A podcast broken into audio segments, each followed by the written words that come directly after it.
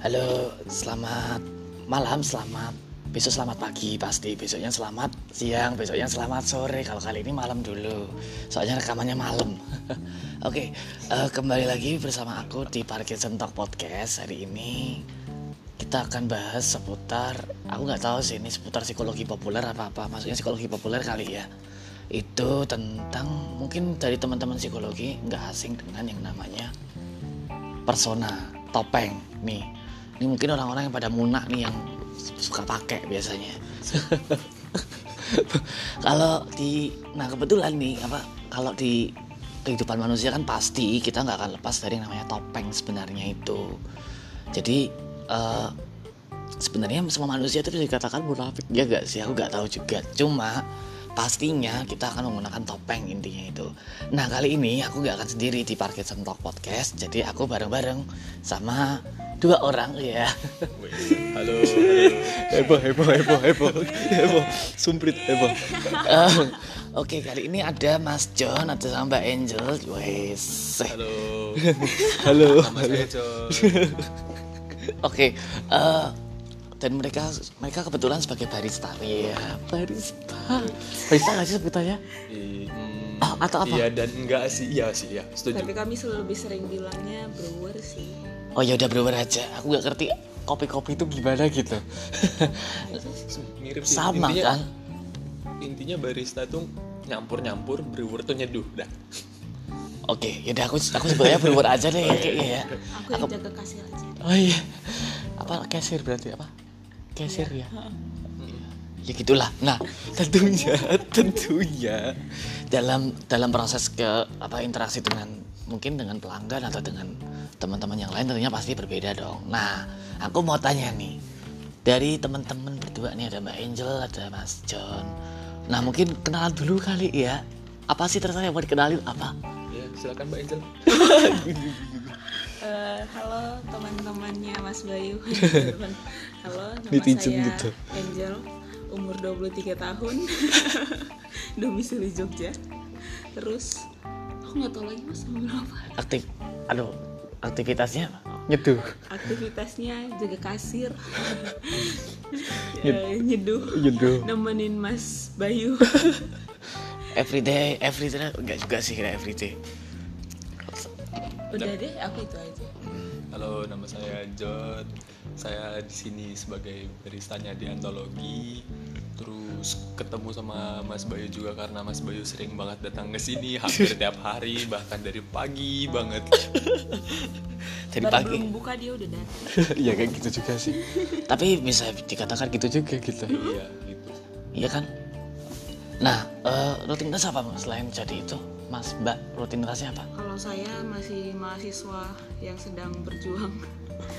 Terus juga ada beberapa kan di sini eh, jadi apa ya brewernya antologi kan saya masuknya dari program juga Mm-mm. dari programnya Wiki Kopi kayak gitu. Jadi kita ada beberapa kegiatan lain juga di luar ini gitu. Mas John, siapa?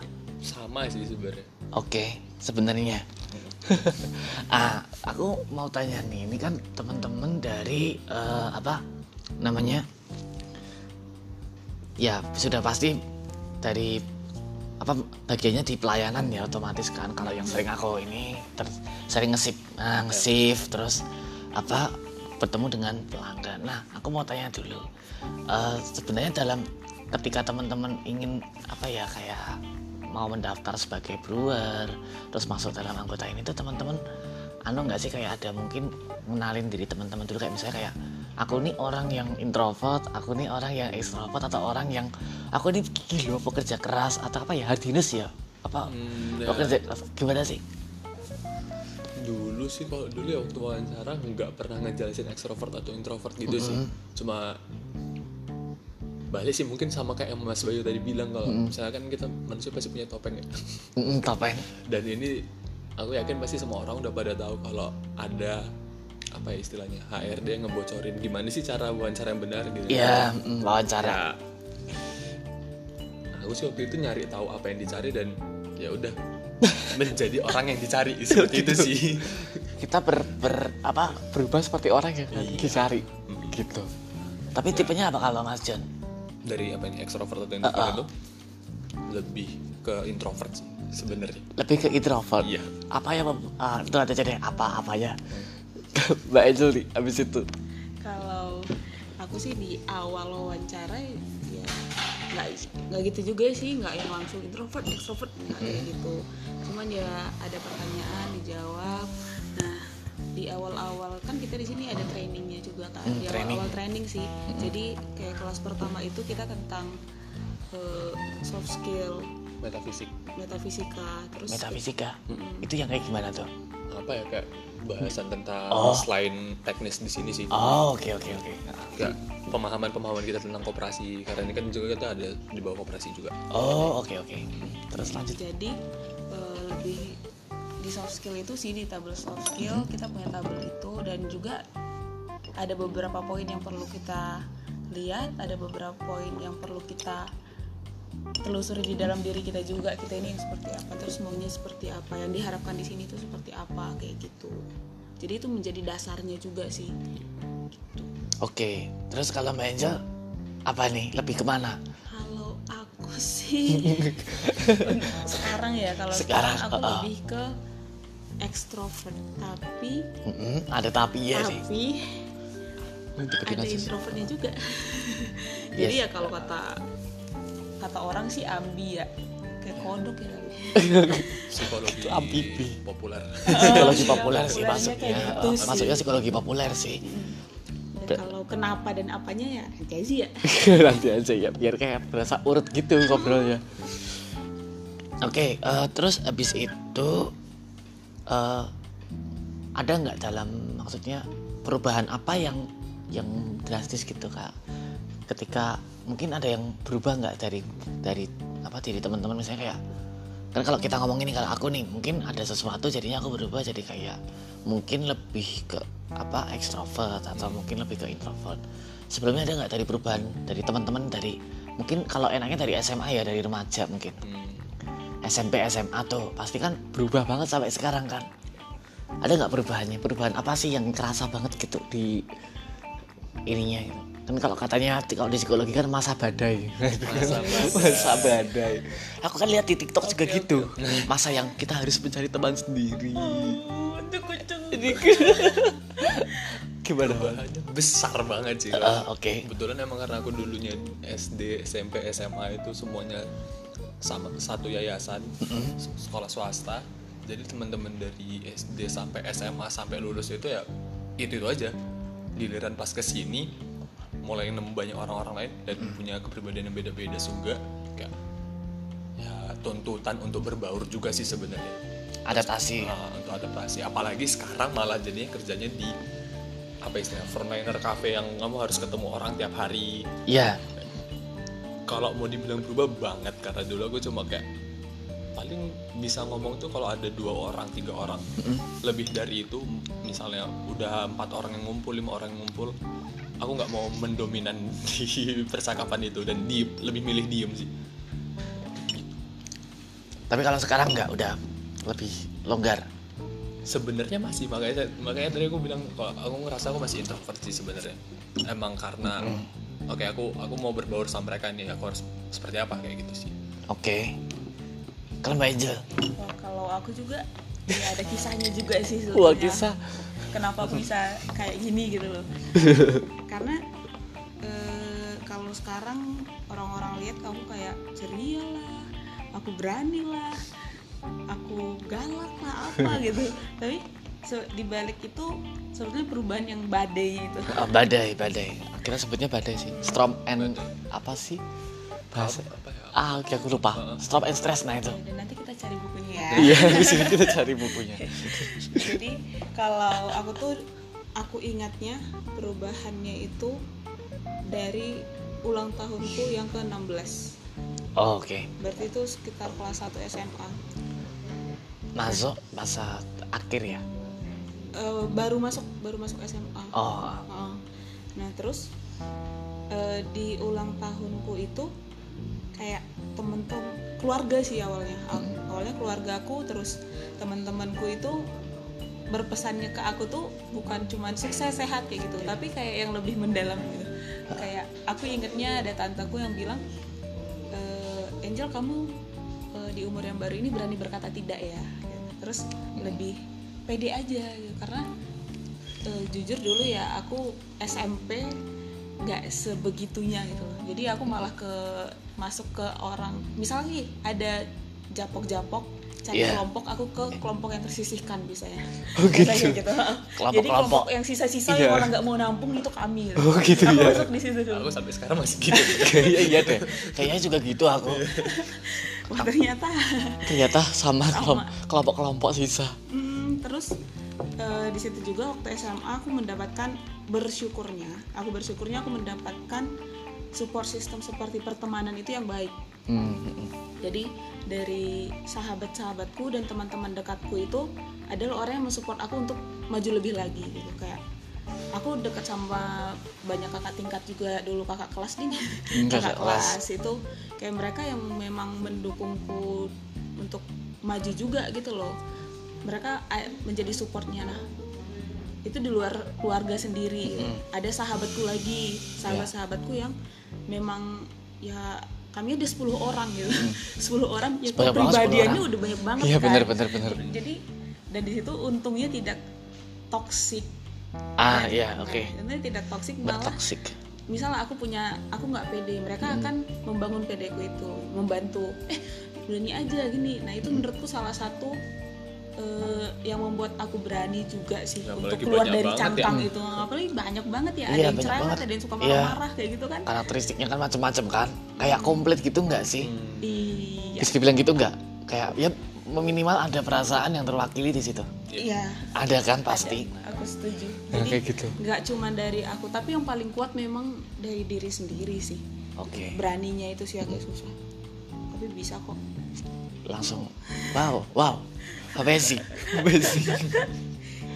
Terus aku mau ini lagi nih kalau uh, dari pernah nggak ngerasa kayak apa sebenarnya uh, apa apa yang ditampilkan di sini tuh adalah sebenarnya itu kayak ngerasa ya terus ke, ini topengnya gitu ya terus kemudian dilepas tuh kita berubah berubahnya dalam artian mungkin kalau di sini kita harus berusaha untuk apa ya lebih lebih bisa menempatkan diri kita mungkin sebagai yang brewer atau apa. Nanti ketika di tempat lain kita tuh nyopot lagi gitu. Pernah nggak kayak ngerasa aku ini capek loh gitu. Ada nggak? Pernah nggak satu titik itu? pernah sih. Pasti pernah. Ya pasti pernah sih karena Pasti pernah. Capek, kalau- kayak- iya. capek gitu loh. Ya sering sih. Malah bahkan kadang aku juga termasuk yang sering banget ke tempat ini. Oke. Dan apa? Ketika nggak nge ya kadang aku juga ngebuka topeng itu. Loh aku bukan menjadi orang yang ngomong atau apa eh, berani ngomong ke orang lain atau apa. Aku diem biasanya duduk di pojokan denger, pakai headset dengerin lagu atau apa nonton video lah atau apa gitu Iya. gitu sih. Ya kalau dibandingin sama waktu aku masih waktu lagi nge lagi di jadi barista itu ya bakal beda banget sih. Bakal beda banget capek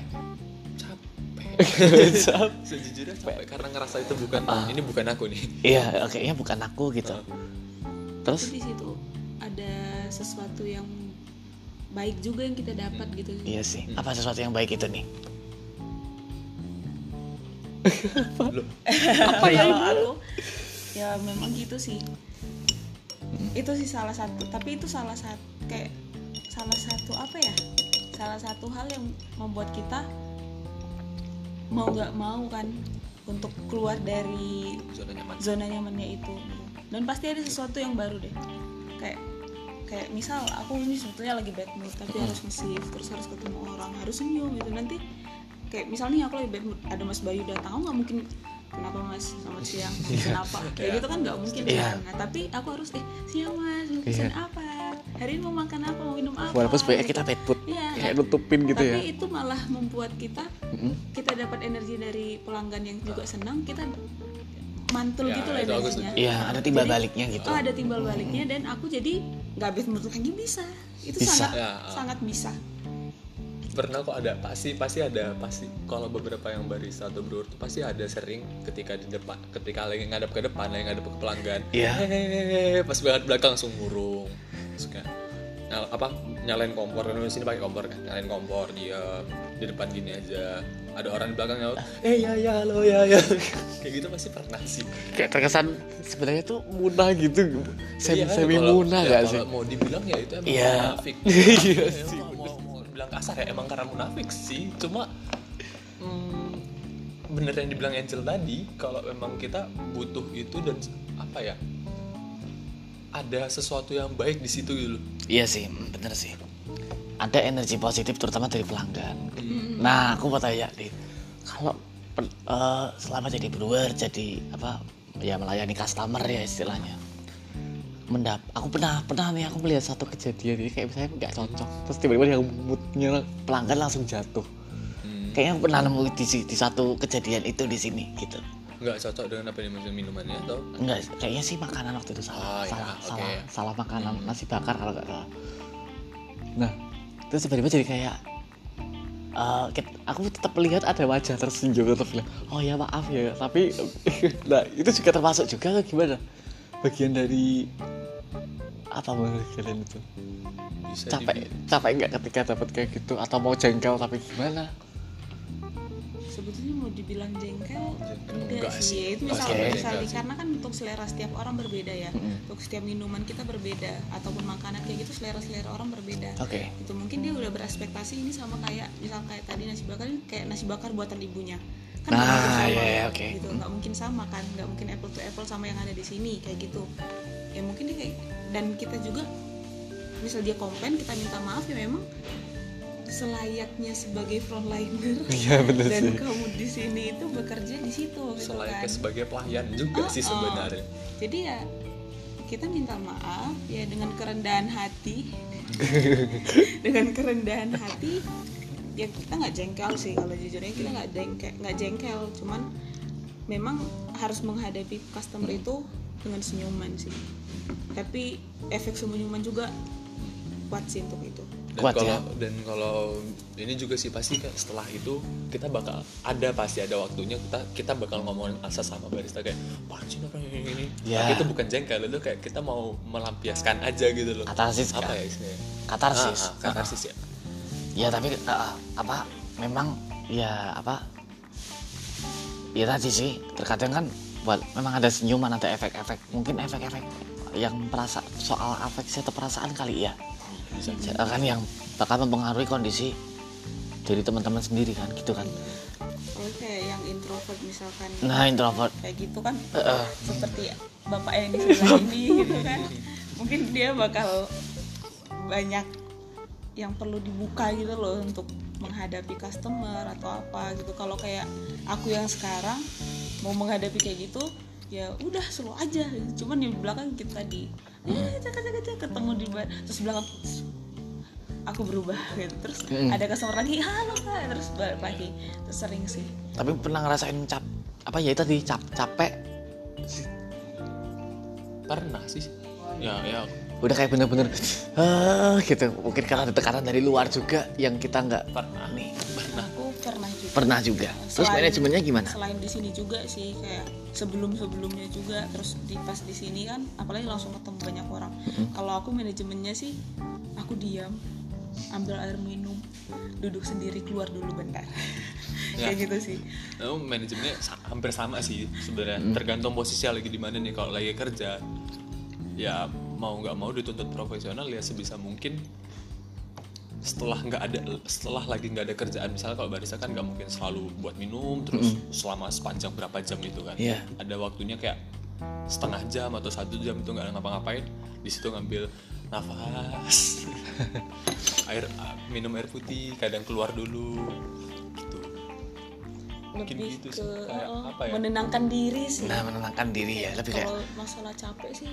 Lebih kalau aku lebih ke berpikir kamu posisimu sekarang lagi di mana sih nih? Ya ketika ada orang oke aku harus posisikan diriku sebagai aku pelayan mereka.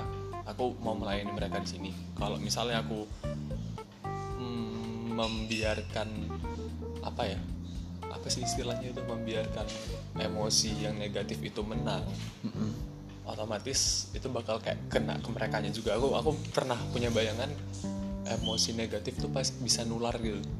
Iya emosi negatif kan bahkan mungkin pengaruh ke cara ke cita rasa minuman dan makanan juga. Iya setuju banget. Iya enggak sih? enggak sih?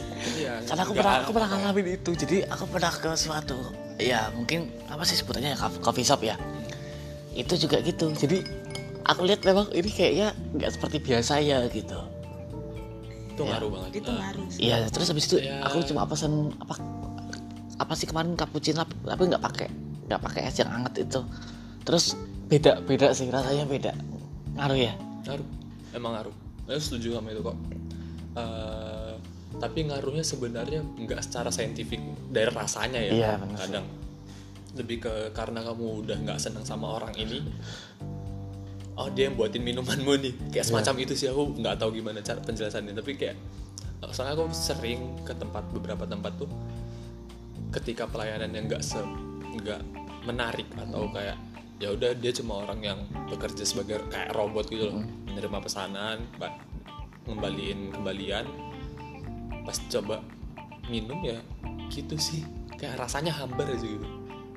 Berarti ya memang betul ya apa eh, harus menggunakan apa cinta ya di dalam studio bisa ini. dibilang iya gak gitu. sih? Kalau kalau mau dibilang di Oh, kalau mau dibilang mungkin ya di dunia F&B sekarang tuh orang-orang udah bukan bersaing di cita rasa, tapi orang-orang udah bersaing di pelayanan itu jasanya itu. Iya sih. Seperti apa se- sebaik apa jasanya itu gitu.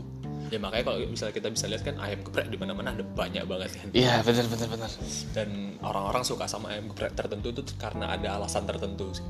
Nah kalau aku kebetulan orang yang suka sama sesuatu karena pelayanannya itu sih, yang gitu. oke aku mau tanya satu lagi nih mungkin kalau teman-teman kayak tadi kan teman-teman bilangnya juga ada kadang kala kan merubah topeng ya. Kadang ada nggak mood kadang ada mood baik. Nah apa berapa maksudnya gini eh, apa dalam misalnya dalam situasi kerja yang padat gitu ya kan teman-teman kan apalagi aku lihat yang kadang duduk-duduk di depan itu di depan di depan barnya. Bar. kan pasti rame tuh. Nah itu kan. Aku kadang eh, apa ya kayak ngeliat aja gitu kalian tuh sepertinya kayak santai ya ngerti? Sesuatu tuh kayak nggak nggak keburu-buru gitu loh. Kayak tidak ti- kayak nggak ya pokoknya tertata lah istilahnya gitu kan. Soalnya kalian ngobrol dengan ngerjain dan dengan situasi kondisi perasaan kalian yang aku nggak tahu bagaimana. Nah. Apa kalau kalian em, apa maksudnya memanajemennya gitu loh. Gimana ya bahasanya ya? Me memanage itu apakah memang ada harus ada keterampilan multitasking gitu sebenarnya kayak enggak juga sih ya gimana ya kayak gini deh Eh, pertanyaan hampir mirip mungkin ya kayak kenapa orang-orang bisa jalan sambil nggak melihat ke depan sambil ngobrol sama orang Iya, ya hampir gitu. mirip kan Iya, hampir kan? hampir mirip. itu karena udah terbiasa dan emang kita ngelatih itu dari awal gitu loh dari Oh. pertama kali kita belajar kita kayak oke aku harus bisa membuat minuman sambil ngapain sambil ngapain sambil ngapain. Ya, melatih sih emang melatih untuk itu sih. Sama kayak orang-orang melatih jalan sambil ngobrol. Oke. Kalau kayak karena eh, aku setuju juga sih sama John dengan cara kayak gitu gitu. Karena memang perlu latihan. Perlu Oke. latihan. Perlu latihan karena kayak ini aja kan dengan pandemik ini nggak seramai sebelumnya Ya. itu udah kayak flow kerjaku ini itu ini sangat ini sebenarnya kayak Wow. latihan juga gak sih latihan gimana ngejaga tempat yang orangnya cuma satu dua jadi nggak karena nggak kebiasa lagi dulu Iya benar benar benar. Jadi Nah kayak- itu. nah iya eh, di situ. Terus terus lanjut lanjut dulu. tapi kalau pas rame nih pas rame kenapa bisa kayak gitu kalau kalau kayak Mas Bayu kan sering di bar pasti lihat kayak ada baris, barista yang lagi nge-shift Hmm. ada misalkan lima pesanan kayak ada yang ambil, abis ambil gelas ada yang ambil bubuk ada yang ini ada yang ini tapi kayak selalu hampir ketawa-ketawa Iya bahkan, iya iya iya. gitu Itu kan. yang aku aku penasaran di nanti, situ. eh, ada yang walaupun bad mood atau apa marah sambil marah-marah juga atau apa gitu pasti ada kan nah kenapa Iya. bisa kayak gitu satu yang satu dilatih. Yang kedua karena memang kita pas bekerja itu meng- menganggap itu mengasihkan sih menurutku. Nah itu juga paling itu Mengasihkan. paling ngaruh. Ah, kayak kita seneng gitu. Kalau misalkan kita dari awal udah terbeban untuk masuk di situ dan juga dengan flow yang seperti itu itu Iya. udah "Ah, ngapain sih aku bikin kopi aja udah capek bicara sama orang lagi gak bisa ngasir. Kalau kita memang udah dari awal kayak gitu udah nggak akan bisa flow sebagus itu gitu loh ke depannya gitu.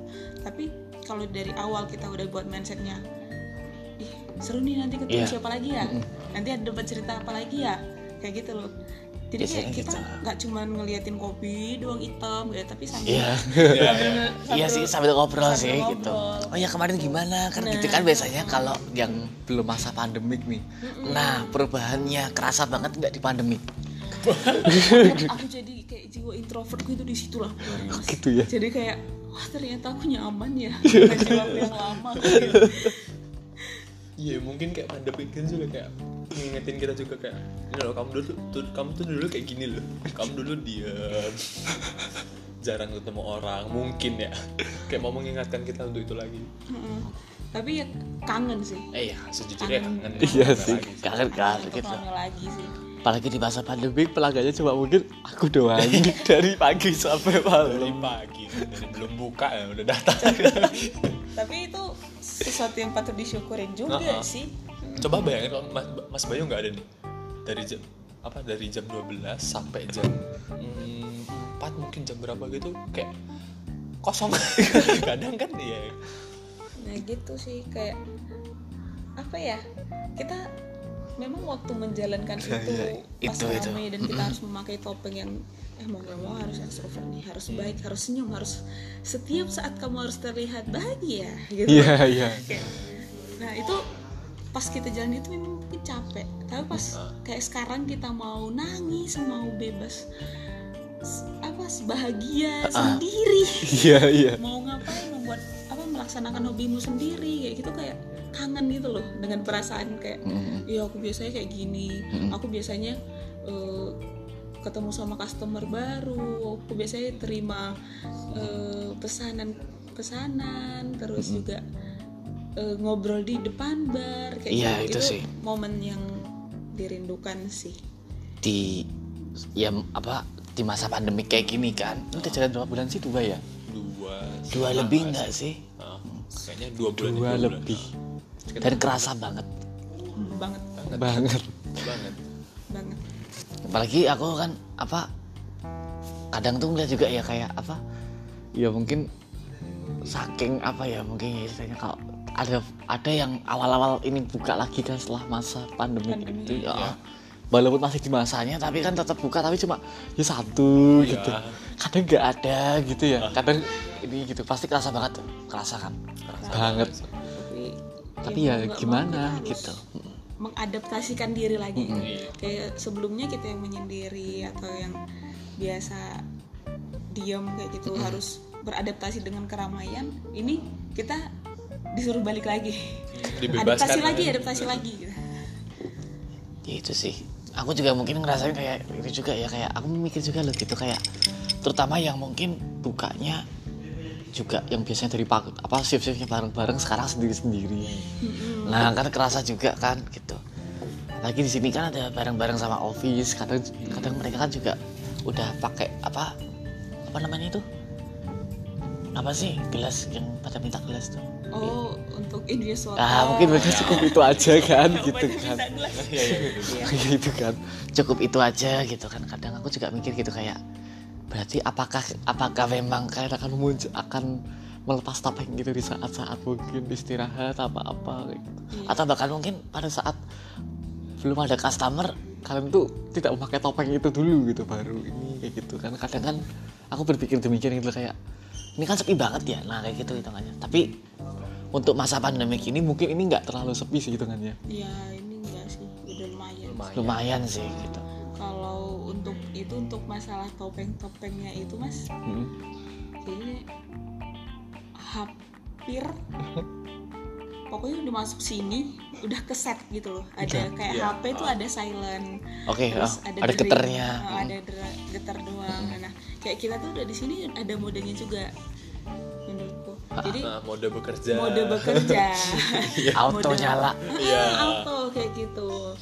Mode customer service terus modenya juga yang jadi kayak aku nggak ngebilang itu topeng banget juga sih. Mungkin kalau untuk topengnya itu kan lebih ke general ya. Iya, tapi di general. dalam itu itu loh ada beberapa mode-mode lain. Oke, mungkin bayangan kali ya, shadownya mungkin. Nah itu kayak gitu sih. Dan begitu. iya kayak ya kita bekerja di food and beverage dan juga di frontliner sih topeng salah satu yang penting Iya sih. kita nggak bisa bilang menurutku Iya, nggak setiap topeng itu juga negatif betul sih. nah, karena banyak yang berpikir dengar topeng eh lu pakai Konotasinya Nah, negatif. ya konotasinya negatif padahal enggak padahal enggak itu netral loh Iya. Cuma orang-orang aja pada bilang "Ah, munak lu gitu. Iya ya kalau nggak muna kayaknya nggak bisa hidup deh sama orang lain Iya bener sih. Jadilah orang munak. tapi Iya, tapi, tapi pada tempatnya Iya, pada Iya, tempatnya. iya. Munak pada tempatnya itu gimana coba? gimana ya aku bingung juga sih iya ya. Munak pada tempatnya.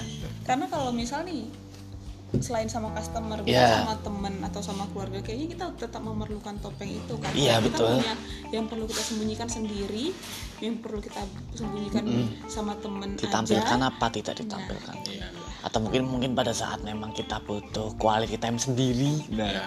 kita kan bener-bener mungkin kayak ngelepas baju bener-bener kayak ah, gitu kayak bener ini aku mungkin kayak gitu-gitu kan biasanya kan buat orang-orang yang suka ngerokok biasa gitu sih oh gitu iya salah satu pembelaan mereka. Iya, termasuk saya ya saya juga masih masih ngerokok nih sekarang nih. Termasuk pembelaannya tuh kayak ah capek nafas dulu lah. Rokok. Nyebat dulu nyebat gitu. Padahal nggak pakai rokok juga bisa nafas. Iya bener ya. Cuma konotasinya kan karena nafas dulu gitu. Tadi aku tak nafas dulu nih. Mau ngapain nyebat dulu gitu? Itu sih itu topeng. Tapi setiap orang memerlukan itu juga iya. Bisa jadi dibilang. ya tadi bener sih menurutku ya pada tempatnya. Mm-mm. Kalau- dan satu sih yang ngebuat biasanya topeng sangat negatif. Kayak orang yang terlihat bahagia. Iya. Orang yang terlihat bahagia ternyata dia di dalam itu sakit banget kayak gitu. Nah di situ sih kayaknya kita perlu betul-betul menghandle kapan topeng itu dan kepada siapa kita perlu menunjukkan iya kalau kayak sebenarnya. temen yang udah sangat dekat kayak gitu atau Iya, sama mungkin, keluarga nah. ya cerita aja ya aku tadi kayak gini loh capek gini apa segala macam. Ya tapi kalau misalkan cuma sama customer kah, atau teman yang dari luar kayak gitu Iya. ya kamu nggak mungkin mencurahkan semua isi hati wong adanya nanti jadi bahan julid kan. Iya bener. Ya apalagi terus habis itu ih itu tuh si itu Nah. tuh habis itu ya, nanti ini lagi ini lagi gitu. Enggak enggak ember kok tenang aja gitu. Jadi menurutku nggak nggak selamanya orang yang bertopeng itu memendam perasaan yang sangat dalam dan kalau misal pun dia pakai topeng Iya. topeng bahagia itu ya carilah tempat atau suakamu untuk menjadi dirimu sendiri. Keren sih. Ya, itu, ya. jeng jeng jeng jeng gitu. Kalau Mas John ada nggak? Apa ya? Apa ya istilahnya benang merahnya sih? Mungkin mungkin ini sih kayak aku nggak tahu ini benar atau enggak ya. Iya. tapi mungkin orang-orang pada nggak sadar kalau mereka sendiri juga punya topeng. Kemu- mungkin nggak? Mungkin sih menurutku. Ya, mereka nggak punya dari topengnya dan- mereka sendiri. dan apa yang mereka tahu itu topengnya orang. Mm-mm. ya ya kalau aku sih mungkin kayak ini sih kayak Imitasi. kita perlu kita- Imitasi. bukan imitasi tapi kayak kita perlu sadar kalau kita juga punya topeng. Jadi kita nggak bisa bilang orang munafik cuma karena dia bahagia di depan Ya. dan sedih di belakang kamu juga pasti bakal ada saatnya bakal kayak gitu gitu. Ha-ha. semua orang pasti bakal ada saatnya juga kayak gitu ya gitu aja sih kalau misalnya dia bilang orang itu munafik sama aja kayak dia ngomong ke diri dia sendiri juga sih sebenarnya iya sih soalnya kan kadang ada orang yang tidak bisa menempatkan topengnya iya. Nah itu itu menurutku juga akan pengaruh ke berbagai macam aspek psikologi ya. Kalau di psikologi kan, iya loh. Kayak kognitif kita udah udah udah kayak mikir bakal mikir bilang, wow DM ku banyak banget. Apa? ah, wow kognitif wow DM gue banyak banget Apa? guys soalnya aku kan lihat-lihat kok ada yang masuk lagi gitu. nah ini kognitif Ini multitasking gak, gak sih? Nah kayaknya oh, mungkin udah bilang wah ini pasti orangnya gini-gini gitu kan. Udah mungkin nggak bakal ke sana. Misal kayak kita tidak tidak pas menempatkan topeng bakal bakal ada skema kognitif dari orang lain. Kayak gitu. coba ulangin mas coba ulangin Jadi bisa kayak gini. ada misalnya orang ya tidak bisa menempatkan topengnya kurang pas sehingga dia mungkin dipandang orang lain memandangnya seperti wah ini kayaknya dia begini nih kalau misalnya sama dia nih jadinya nggak enak dia ngobrol padahal sebenarnya biasa aja gitu. Cuma si orang ini tidak bisa menempatkan topengnya. Mungkin nggak akan mengalami orang itu akan kayak gitu juga untuk berpikirnya. Mungkin mungkin. Mungkin kan? Mungkin. Jadi sehingga kayak bakal nimbulin mungkin kayak seperti jenis placebo efek kali ya. Oh halo efek sorry kayak halo efek gitu loh.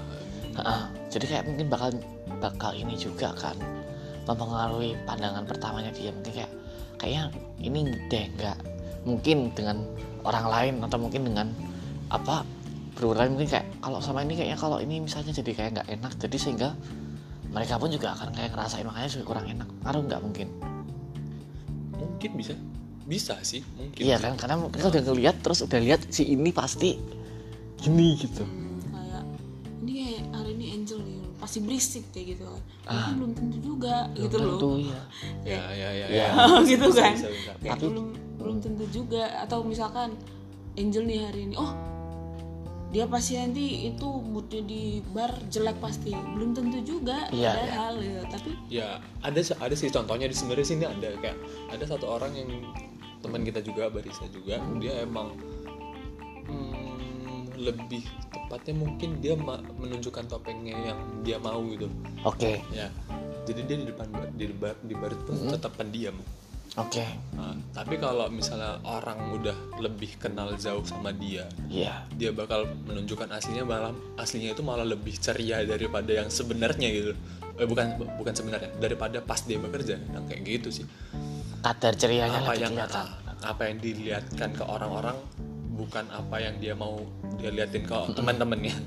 Dia udah menghargai dirinya sendiri sih dan mengerti dia sendiri. Jadi ya udah biar dia sendiri yang mengerti dirinya sendiri. Gitu kan? Gitu gak sih? Ya ya nah kayak gitu. Gitu sih. Tingkat kenyamanan seperti apa sih dia? Hmm, dia Gitu. nyaman kayak gitu ya udah nggak usah dipaksa gitu loh.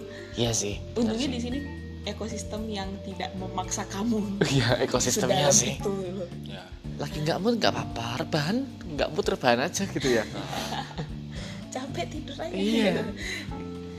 aku kayak aku. Di bawah di depan tuh tidur. Mangap pun orang nggak tahu tuh aku. Tapi aku eh aku tidur nggak sih? Oh pernah aku tidur di sini di bawah tangga tuh. Pernah aku sama. Biasanya udah pasti ada kok udah. apa? Yang udah pasti pernah kok biasanya setiap orang ke sini pasti ya. yang udah sering tuh. Yang udah sering di sini pasti pernah tidur sih di sini. Oke mungkin itu sih. Aku bakal aku cuma pernah yang itu aja sih. Jadi ya berarti ada konklusi ah konklusi bahasanya. Apa sih? Kesimpulan. kesimpulan. Kesimpulan. Bahasa ku astagfirullahaladzim. Nih tuh tuh tuh tuh tuh tuh. Ih, ini siapa lagi eh fokus. Oh iya. Mohon maaf. Eh, jadi mungkin konklusinya adalah sebenarnya itu benang merahnya gini tempatkan Muna pada tempatnya ya kan? Iya sebenarnya gitu kan? Iya karena Muna tuh gak akan lepas dari kita sebenarnya. Muna tanda kutip loh ya. Muna positif loh. Mudah positif. Udah positif ya ya bisa nggak tahu Muna Ah, benar-benar. ya istilahnya pakailah topeng pada tempatnya. Iya kan? Kayak gitu sih oke terima kasih untuk Mbak Angel Mas John. Sama-sama. Terima kasih juga sudah mengundang saya terima kasih. Terima kasih sudah mau berbagi di Parkinson Talk Podcast. Semoga- kalau nggak ini. Kalau nggak apa? Jelas. Iya. emang nggak jelas sebenarnya podcast itu. Oh, cuma untuk ini kita ngomongin apa? Parkinson Talk tapi kita ngomonginnya Ah, barista. Iya. Kan aku udah udah tulis sih sebenarnya cuma apa ya random aja gitu kan. Kalau soal Parkinson terus itu kan pasti orang bosan. ya. Iya kan? Itu orang nggak semua orang ngalamin juga gitu. Iya. Ya jangan sampai sih sebenarnya. Jangan, jangan sampai. Begitulah. ya oke terima kasih untuk Mas John terima kasih Mbak Angel. Dan eh, terima kasih juga untuk teman-teman yang sudah mendengarkan dan sudah follow. Wah. nanti kalau mau mau, mau ketemu mereka tuh datang aja ke antologi ntar, Oh, iya. ntar ketemu aku juga Oh iya iya. Oh dengar-dengar Mas Bayu juga ada acara berikutnya Kak Denny. apa ya oh iya Tanggal 24. Eh oh 24. iya iya iya iya bener tanggal 24 itu nanti ada eh, bakal ngobrol soal schizopren wah ya Menarik sih itu. Kami bakal ngobrol. sih. nanti bakal ngobrol soal schizofren dan mungkin aku bakal buat ke podcast juga sih jadi bakal aku buat supaya yang nggak ketinggalan juga Iya. Nah, iya kan kayak iya, gitu kan Oh, dan soalnya pas masa lebaran jatuhnya tanggalnya itu oh iya. tanggal 24 Kasih kasih kami menunggunya. Mas. Heeh. Nah itu ya buat teman-teman kalau misalnya mau ketemu Mbak Angel mau ketemu Mas John datang aja ke antologi. Kami akan menunjukkan topeng bahagia Iya, terlebih dahulu. Satu dua hari masih oke lah. Iya. Iya. Nanti baru udah udah berapa lama? Uh. Tetap bahagia ternyata. Iya, kata bahagia ternyata gitu. Oke, terima kasih untuk teman-teman juga yang sudah eh, apa stay tune di podcast ini dan tunggu episode berikutnya untuk ini episode yang ke 8 dan nanti langsung rilis ini episode ke 8 ya. Jadi eh, nanti bakal ada apa yang lebih mungkin teman-teman bakal apa ya istilahnya bakal dengerin lagi yang lebih seru lagi gitu. Terima kasih Mas John, terima kasih Mbak Angel sekali lagi. Oke untuk eh, podcast ini dicukupkan sekian ya. Nanti sampai ketemu di episode berikutnya. Terima kasih. Dadah.